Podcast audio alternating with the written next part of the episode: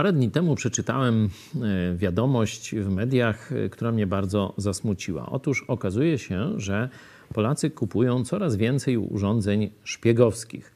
Jakichś takich mikro urządzeń za pomocą mogą szpiegować swoich bliskich. Ten wzrost nie jest tam o kilka procent. Ten wzrost to jest o 40% w skali roku. E, tak jak mówią sprzedawcy i autorzy tego artykułu, głównie ten sprzęt wykorzystywany jest do śledzenia ewentualnych niewierności swoich małżonków, swojego małżonka.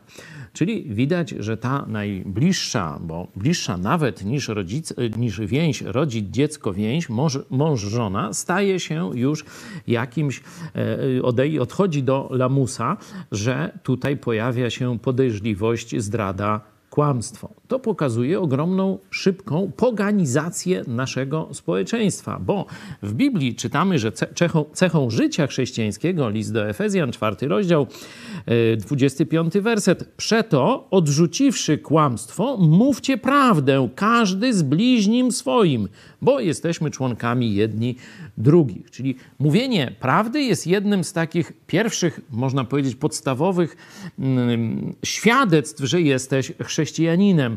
W Twoich relacjach z bliskimi pojawia się prawda, tam gdzie wcześniej było udawanie i kłamstwo.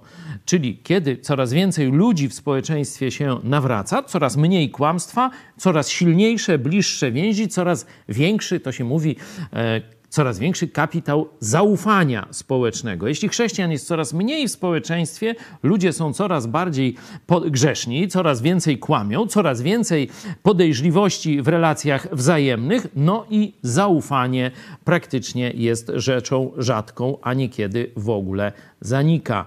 E, pomyślmy więc, że Chrześcijaństwo to nie jest coś tylko, co związane jest z życiem wiecznym. Chrześcijaństwo to jest związane też z bardzo konkretnym funkcjonowaniem społeczeństwa. Nie ma chrześcijan, nie ma zaufania.